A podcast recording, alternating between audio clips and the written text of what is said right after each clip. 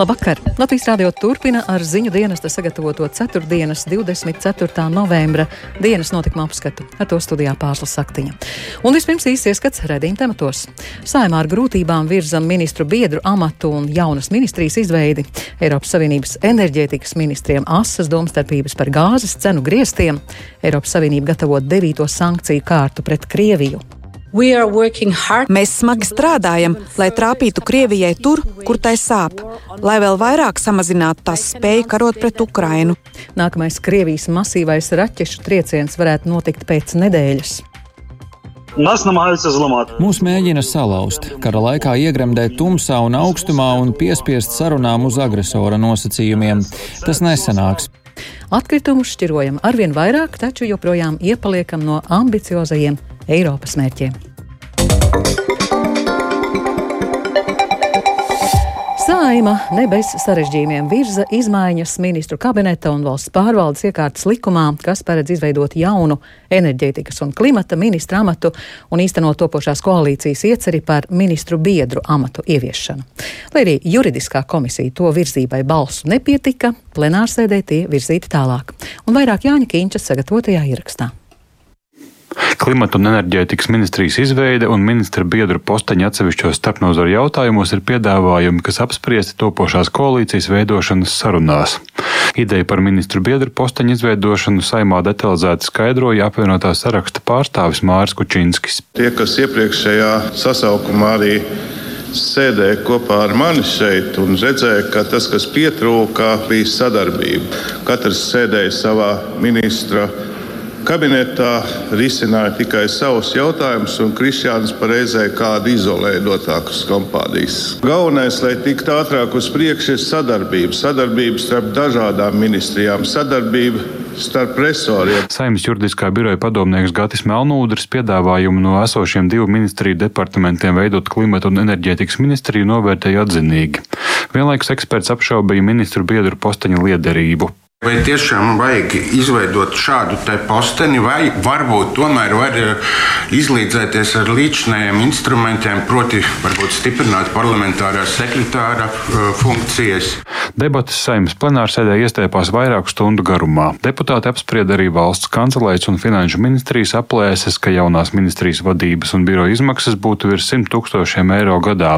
Savukārt katra ministra biedra algošanai gadā vajadzētu te 93 tūkstošus eiro.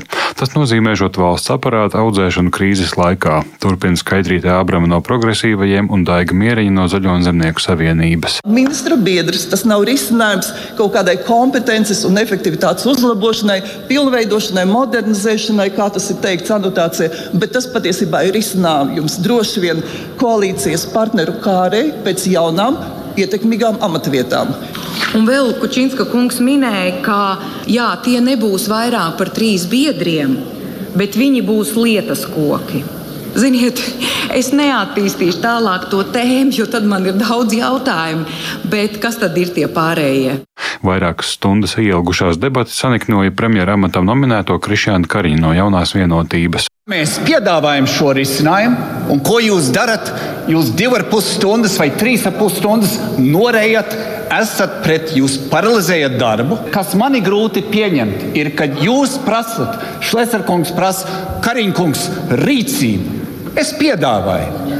Šis palīdz struktūrāli, kā varētu iespējams labāk risināt jautājumus. Tas vēl nav teikts, ka tie biedri būs. Vēl nav zināms, vai tie biedri būs. Ja mēs viņus izveidojam un nedarbosies, es kā pirmais tos posteņus būšu spiests likvidēt. Abi likumprojekti saimnes sēdē atbalstīti tikai ar topošās koalīcijas deputātu balsīm, taču pirms tam saimnes juridiskās komisijas sēdē izrādījās, ka darbam komisijā deleģēti pārāk maz koalīcijas deputātu. Frakciju deleģēto pārstāvju trūkums šajā komisijā var traucēt lēmumu pieņemšanu arī turpmāk. Juridiskās komisijas vadītājs Andrejs Judins no jaunās vienotības šo problēmu pāradresē topošās koalīcijas partneriem. Juridiskā komisija 11 cilvēki, 3 cilvēki no jaunas vienotības, viens no Nacionālās apvienības, viens no apvienotās saraksta un vēl eh, seši cilvēki no citām partijām. Nu, naivi cerēt, ka opozīcija atbalstīs visu, ko atbalsta tāda eventuāla eh, koalīcija. Lai jaunas ministrijas izveidu un ministru biedru amata ieviešana stātos spēkā, likuma grozījums saimē vēl jāatbalsta galīgajā lasījumā. Tas plānots 1. decembrī. Jānis Kincis, Latvijas Radio. Eiropas Savienības valstu enerģētikas ministri šodien ir panākuši politisku vienošanos par kopīgiem gāzes iepirkumiem, kā arī par solidaritātes gadījumā, ja gāzes pietrūks. Tāpat ir apstiprināts arī mehānisms straujākai zaļās enerģijas attīstībai, vienkāršojot atļauju izsniegšanas procedūru. Tomēr jautājumā par gāzes cenu griestiem izcēlās ļoti asas diskusijas. Sanāksmē šodien sekoja mūsu Briseles korespondents Aķems Konohaus. Kaut arī daudzi politiķi centās akcentēt, cik būtiskas ir vienošanās, ko ir izdevies panākt. Noslēpt domstarpības par gāzes cenu griestiem vai tirgus korekcijas mehānismu, kā tas oficiāli tiek dēvēts, nebija iespējams. Eiropas dienvidu valstis vēlas, lai griezti būtu krietni zemāki un mainītos atkarībā no tā, kāda situācija pastāv citos pasaules tirgos. Tādēļ Grieķijas enerģētikas un vides ministrs Konstantīns Skreks aicināja pārskatīt Eiropas komisijas priekšlikumu, kas tika prezentēts otrdien. No Pašreizējās milzīgās cenas nekādi nav pamatotas. Nav nekāda pamata, lai Eiropa maksātu divas vai trīs reizes vairāk nekā jebkurš cits pasaules reģions. Katru reizi, kad mēs nākam ar vienu vai otru paziņojumu, cenas tirgū te ceļas, te krīt. Tas apliecina, ka tirgus nestrādā. Tieši Tieši tādēļ mums ir jāspēr izšķirīgi soļi. Turpretī Vācija un Nīderlande uzskata, ka nekāda griezti vispār nebūtu vajadzīgi. Šīs valstis domā, ka jebkāda mākslīga cenu noteikšana var apdraudēt piegāžu drošību. Vienkārši sakot, gāze aizplūdīs uz tiem reģioniem, kur maksās vairāk. Nākamā ministra sanāksme ir paredzēta pēc aptuveni divar pusnedēļām. Līdz tam brīdim politiķi mēģinās rast kompromisu. Arčuns Konahals Latvijas Rādio Briselē. Eiropas Savienība gatavo devīto sankciju kārtu pret Krieviju. Eiropas komisijas prezidente Urzula Fonderleina to paziņoja vizītē Somijā. Viņa gan nesniedza plašāku informāciju par to, kādas sankcijas varētu būt ietvertas nākamajā kārtā. Eiropas Savienība oktobrī apstiprināja astoto sankciju kārtu, kas ietvēra jaunus ierobežojumus tirzniecībai ar tērauda un tehnoloģiju produktiem. Jāatgādina, ka Eiropas parlaments trešdien balsojumā atzina Krieviju par terorismu atbalstošu valsti, tostarp rezolūcijā mudinot dalībvalstis Eiropas padomē ātri pabeigt darbu pie devītās sankciju paketes pret Maskavu. Mēs smagi strādājam, lai trāpītu Krievijai tur, kur tai sāp, lai vēl vairāk samazinātu tās spēju karot pret Ukrainu. Un es šodien varu paziņot, ka mēs ar visu sparu strādājam pie devītās sankciju paketes. Un es esmu pārliecināta, ka mēs ar G7 un citiem galvenajiem partneriem pavisam drīz apstiprināsim globālos cenu griestus Krievijas naftai. Mēs nerimsimies, kamēr Ukraina nebūs uzvarējusi Putinu un viņa nelikumīgo un barbarisko karu. Tā Urzula Fonderleina. Krievija turpinās veikt masīvus raķešu uzbrukumus Ukrainai, bet nākamā šāda uzbrukuma sagatavošanai tai ir vajadzīga nedēļa.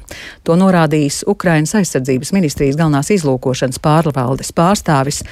Andrijs Jusovs. Krievija ir iztērējusi teju visus savus augstas precizitātes ieroču rezerves, tomēr tai vēl ir palicis daudz zemes precizitātes raķešu, izlūkdienas pārstāvis skaidroja Nacionālā telemaratona ēterā. Krieviem visvairāk palikušas pretgaisa aizsardzības sistēmu S-300 raķešu, norādīja amatpersona. Ukrainas Nacionālās drošības un aizsardzības padomas sekretārs Oleksijas Daņīlovs iepriekš sacīja, ka Krievijai palikušas raķetes trim, četriem masīviem triecieniem. Нас намагаються зламати, намагаються mūs mēģina salauzt, kara laikā iegremdēt tumsā un augstumā un piespiest sarunām uz agresora nosacījumiem. Tas nesanāks. Mēs saprotam, ka periodiskums masīvajiem raķešu triecieniem Ukrainai ir aptuveni nedēļa. Tas ir šis periods, kas ir vajadzīgs, lai sagatavotos nākamajam triecienam.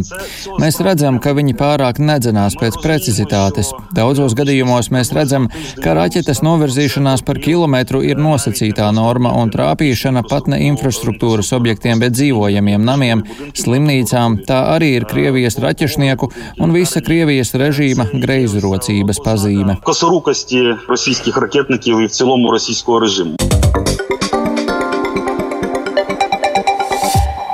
Visā Ķīnā turpinās Covid-19 izplatība un vienā diennaktī reģistrēto inficēšanās gadījumu skaits sasniedzis jaunu rekordu. Pieaugušais inficēšanās līmenis rada spiedienu uz valsts vadību, kura ir izvēles priekšā paciest zināmu vīrusu izplatības turpināšanos vai atgriezties pie stingriem Covid-0 politikas ierobežojumiem, lai apturētu uzliesmojumu ekonomikas dēļ. Iedzīvotāju vidū pieaug neapmierinātība un plašāk par notiekošo Ķīnā stāsta Rihards Plūme. Ķīna šodien ziņoja par vairāk nekā 31 tūkstoti jaunu inficēšanās gadījumu pēdējās diennakts laikā. Tas ir jauns rekords, kas pārspēja aprīļa vidū reģistrēto inficēto skaitu - nepilnus 29 tūkstošus. Toreiz valsts finanšu centrs Šanhajā atradās vairākas nedēļas ilgā karantīnā, kuras laikā iedzīvotājiem bija grūti piekļūt pārtikai un medicīnas pakalpojumiem. Eksperti min, ka pie vainas uzliesmojumam ir ļoti zemais vakcinēto līmenis un Ķīnas vakcīnu zemā efektivitāte bet ne tikai tās. Jaunais saslimšanas vilnis vērojams pēc tam, kad Ķīnas valdība ieviesa savā nulles covid politikā izmaiņas, mīkstinot drastisko piegājienu ierobežojumiem. Nulles politika ir nepārprotami izglābusi dzīvības, taču tā arī devusi triecienu ekonomikai un iedzīvotāju ikdienai. Saskaņā ar izmainīto politiku varas iestādēm tagad jābūt mērķiecīgākām savos ierobežojumos un jācenšas izvairīties no plašiem karantīnas režīmiem un testēšanas, kas ir milzu sloks ekonomikai un apgādājumai apgrūtinājums iedzīvotājiem. Samazināts arī karantīnas laiks, atsevišķos gadījumos ļaujot no tās izvairīties vispār. Tomēr pieaugot Covid-19 gadījumu skaitam, vairākas pilsētas ir spiestas masveida cilvēku testēšanu atsākt un būvēt arī pagaidu slimnīcas. Turpina aģentūras Bloomberg žurnālists Pekinā Džeims Smeigers. Es domāju, ka valdība ir bijusi diezgan skaidra attiecībā uz to, ka tā netolerēs Covid izplatību. Atvieglotie pasākumi, kas pirms desmit dienām tika izziņota, nebija jāuztver kā valdības atvērtība tolerancei pret vīrusu izplatību. Tādēļ arvien vairāk dzīvojamās ēkas Pekinā ir lockdownā, tādēļ redzam arvien vairāk ierobežojumu. Mēs redzam indikācijas, ka valdība joprojām ir nopietna attiecībā uz centieniem kontrolēt inficēšanās līmeni, kas Pekinā uz citās lielajās pilsētās, kā Guangzhou un Čunčinā, šobrīd netiek kontrolēts. Rosība tādās lielās pilsētās kā Pekinā, Guangzhou un Čuncinā ir te jau apstājusies, jo Covid-19 izplatās publiskās vietās. Lai gan nav izziņota karantīna pilsētas mērogā, plaši izplatītie ierobežojumi arvien vairāk paralizē saimniecisko darbību. Pekinā vairāki dzīvojamie kompleksi uz laiku ir slēgti, un daudzas biroju ēkas, veikali un izklaides vietas ir slēgtas. Ierobežojumiem kļūstot stingrākiem un plašākiem, cilvēku neapmierinātība turpina augt. Piemēram, pagājušajā nedēļā milzīgu sašutumu izraisīja ziņas par kāda mazuļa nāvi, jo mediķi nespēja tam laikus palīdzēt Covid-19 ierobežojumu dēļ. Taisnību vēlas izcīnīt arī kāds vīrietis, kurš zaudējis savu tēvu. Es nevēlos, lai kas tāds atkārtotos Ķīnā vai jebkur citur pasaulē. Karantīna un ātrās palīdzības brigāžu trūkums izraisīja mana tēva nāvi.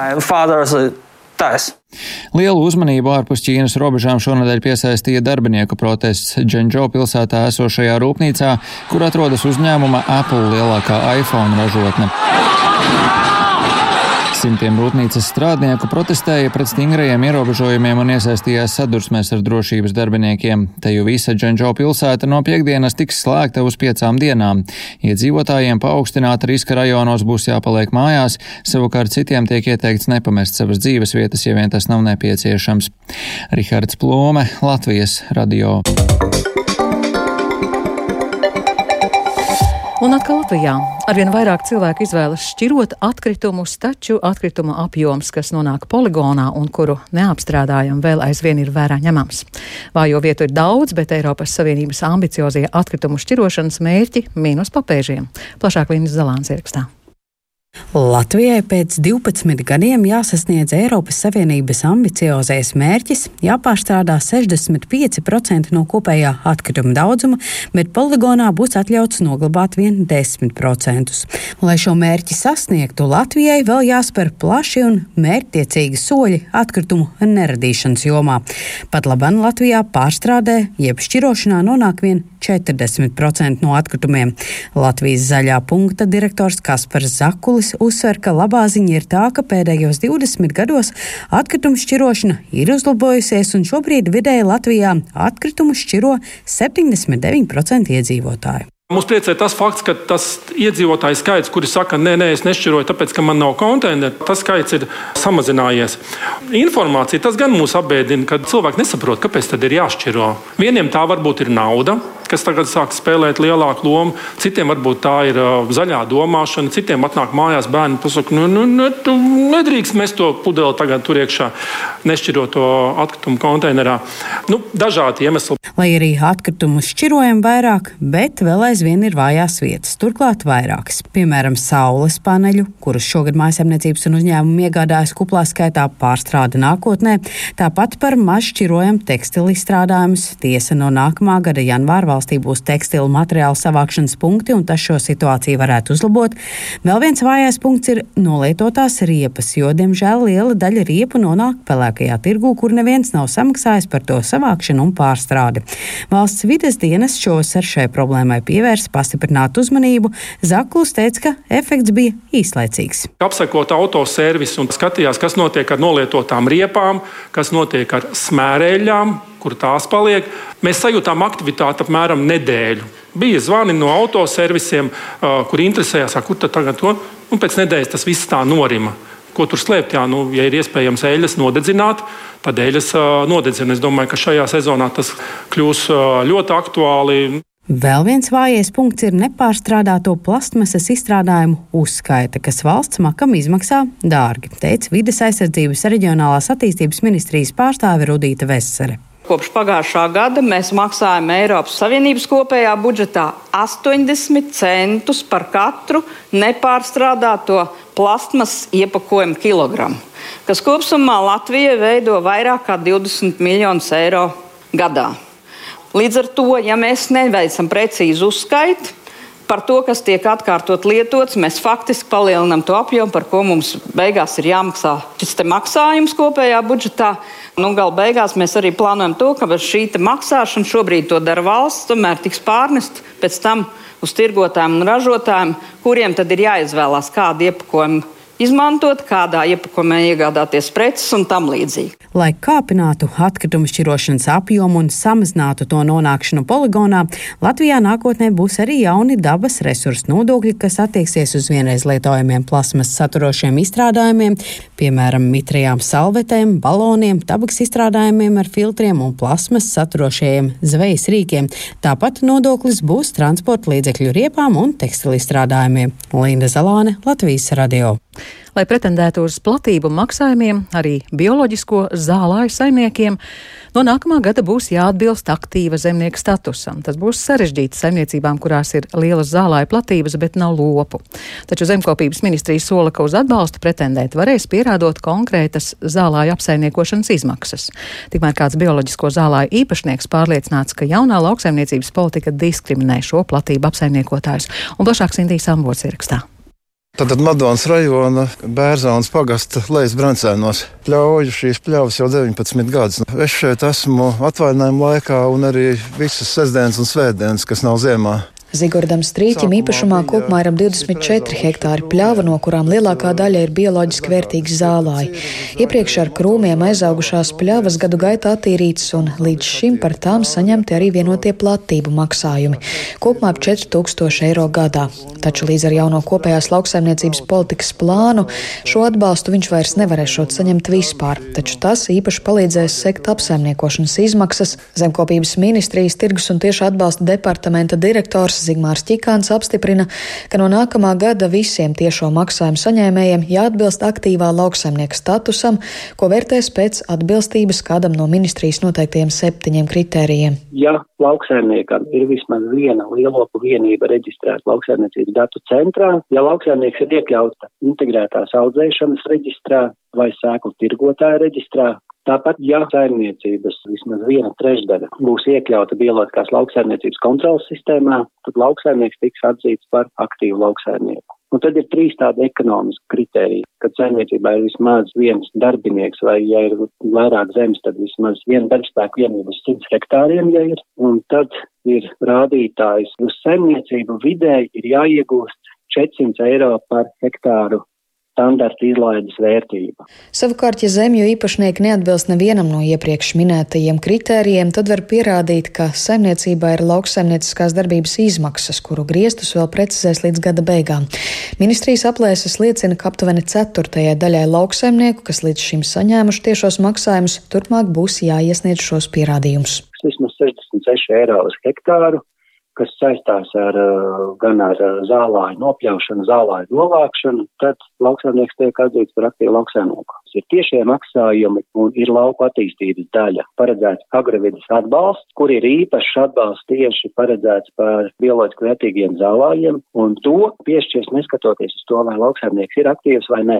It kā varētu pēc tā, ka jābūt vismaz vienai lielopu vienībai Bet uh, tad atkal tā problēma, ka ir jāatrod uzticams cilvēks, kam uzticēt uh, dzīvnieku. Ņemot vērā, ka Zigurdam Strīķim bioloģiskās pļavas ir Bērzaunē un Vecpiebalgā, bet pamatdarbs ir Rīgā, pļavu īpašnieks sevi sauc par brīvdienas zemnieku, tāpēc arī reģistrēt viensātu kā bioloģisku saimniecību viņš nevēlas.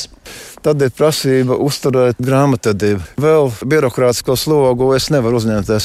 Zemkopības ministrija ir orientēta uz ražojošiem lauksaimniekiem, bet svarīgi ir arī lauku vidas saglabāšana. Pat labāk Latvijā ir ap 60 tūkstoši hektāru bioloģiski vērtīgo zālāju, kas ir 0,7% no valsts kopējās platības. Tieši dabiskie zālāji šobrīd ir visapdraudētākā ekosistēma Latvijā, stāsta dabas aizsardzības pārvaldes zālāja eksperte Linda Uzula. Tātad pirms simts gadiem šādi dabiskie zālāji bija sastopami aptuveni 30% no Latvijas koplatības, un tagad mēs esam aizdzīvojušies līdz 0,7%. Kopējās lauksaimniecības politikas Latvijas plānā minētie septiņi kritēriji aktīva lauksaimnieka noteikšanai ir šomēnes citas starpā apstiprināta Eiropas komisijā, bet pat laban vēl top ministru kabineta noteikumi par plānu ieviešanu, un valdībā tie varētu nonākt gada sākumā, norāda Zemkopības ministrijā. Sinti Ambote, Latvijas radio. Un vēl aizvadītas spēļu nakts. Uzvaras laužas tajā plūca Dailas teātris iestudējums Rotko.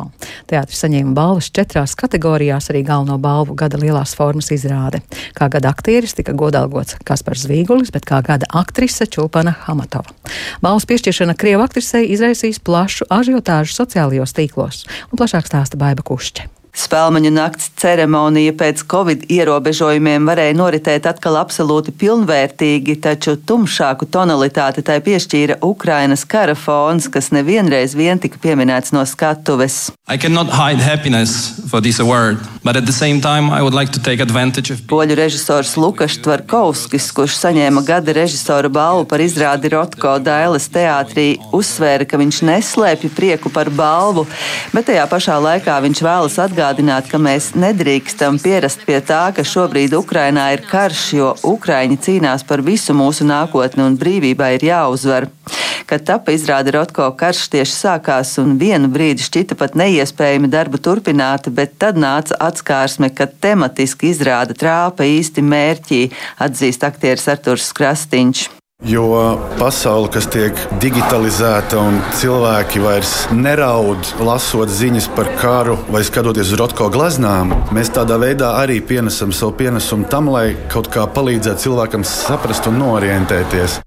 Kā orientieris un spēka avots skatītājiem var būt arī Mārtiņa Eihes Valmieras teātrī iestudētā izrāde kalendārs mani sauc, kas saņēma balvu kā gada mazās formas izrāde. Šī te, es teiktu, diezgan sūdīgajā laikā, kurā mēs dzīvojam, es domāju, ka tas ir vismaz mirklis, kur cilvēki var atnākt uz teātri un ieraudzīt cerību tam, ka mūsos ir arī kaut kas cilvēcīgs. Balvu kā gada aktieris saņēma Kaspars Zvīgulis, bet kā gada aktrise Čulpana Hamatova. Es esmu ļoti pateicīga Latvijai, ka es varu šeit dzīvot un strādāt savā profesijā. Man tas ir ļoti svarīgi. Liels, liels paldies! Čulpanas Hamatovas iecelšana laureātas godā izraisījusi plašu ažiotāžu sociālajos tīklos, kur cilvēku izteikumos tiek uzsvērta viņas agrākā saistība ar agresoru valsts līderi. Atbildi parādā nav palicis jaunā Rīgas teātra vadītājs Alvis Hermanis. Pēc viņa rakstītajiem vārdiem visus sašutumu izteicējus vieno kopīgas divas lietas. Viņi nav iedziļinājušies faktos un aktrises biogrāfijā un nav redzējuši izrādi postskriptumu. Baiva Kušķe, Latvijas radio. Un ar to izskan dienas notikuma apskats. Producents Kārlis Dagilis ierakstus montēja Ūdens Grīnbergs par labskaņu rūpējās Mārtiņš. Paeglis ar jums runāja pārslas saktiņa. Un vēl īsi par svarīgāko. Saimā ar grūtībām virza ministru biedru amatu un jaunas ministrijas izveidi. Eiropas Savienības enerģētikas ministriem asas domstarpības par gāzes cenu griestiem. Eiropas Savienība gatavo devīto sankciju kārtu pret Krieviju. Nākamais Krievijas masīvais raķešu trieciens varētu notikt pēc nedēļas, un atkritumu šķirošana ar vien vairāk, taču joprojām atpaliekam no ambiciozajiem Eiropas mērķiem. Yeah.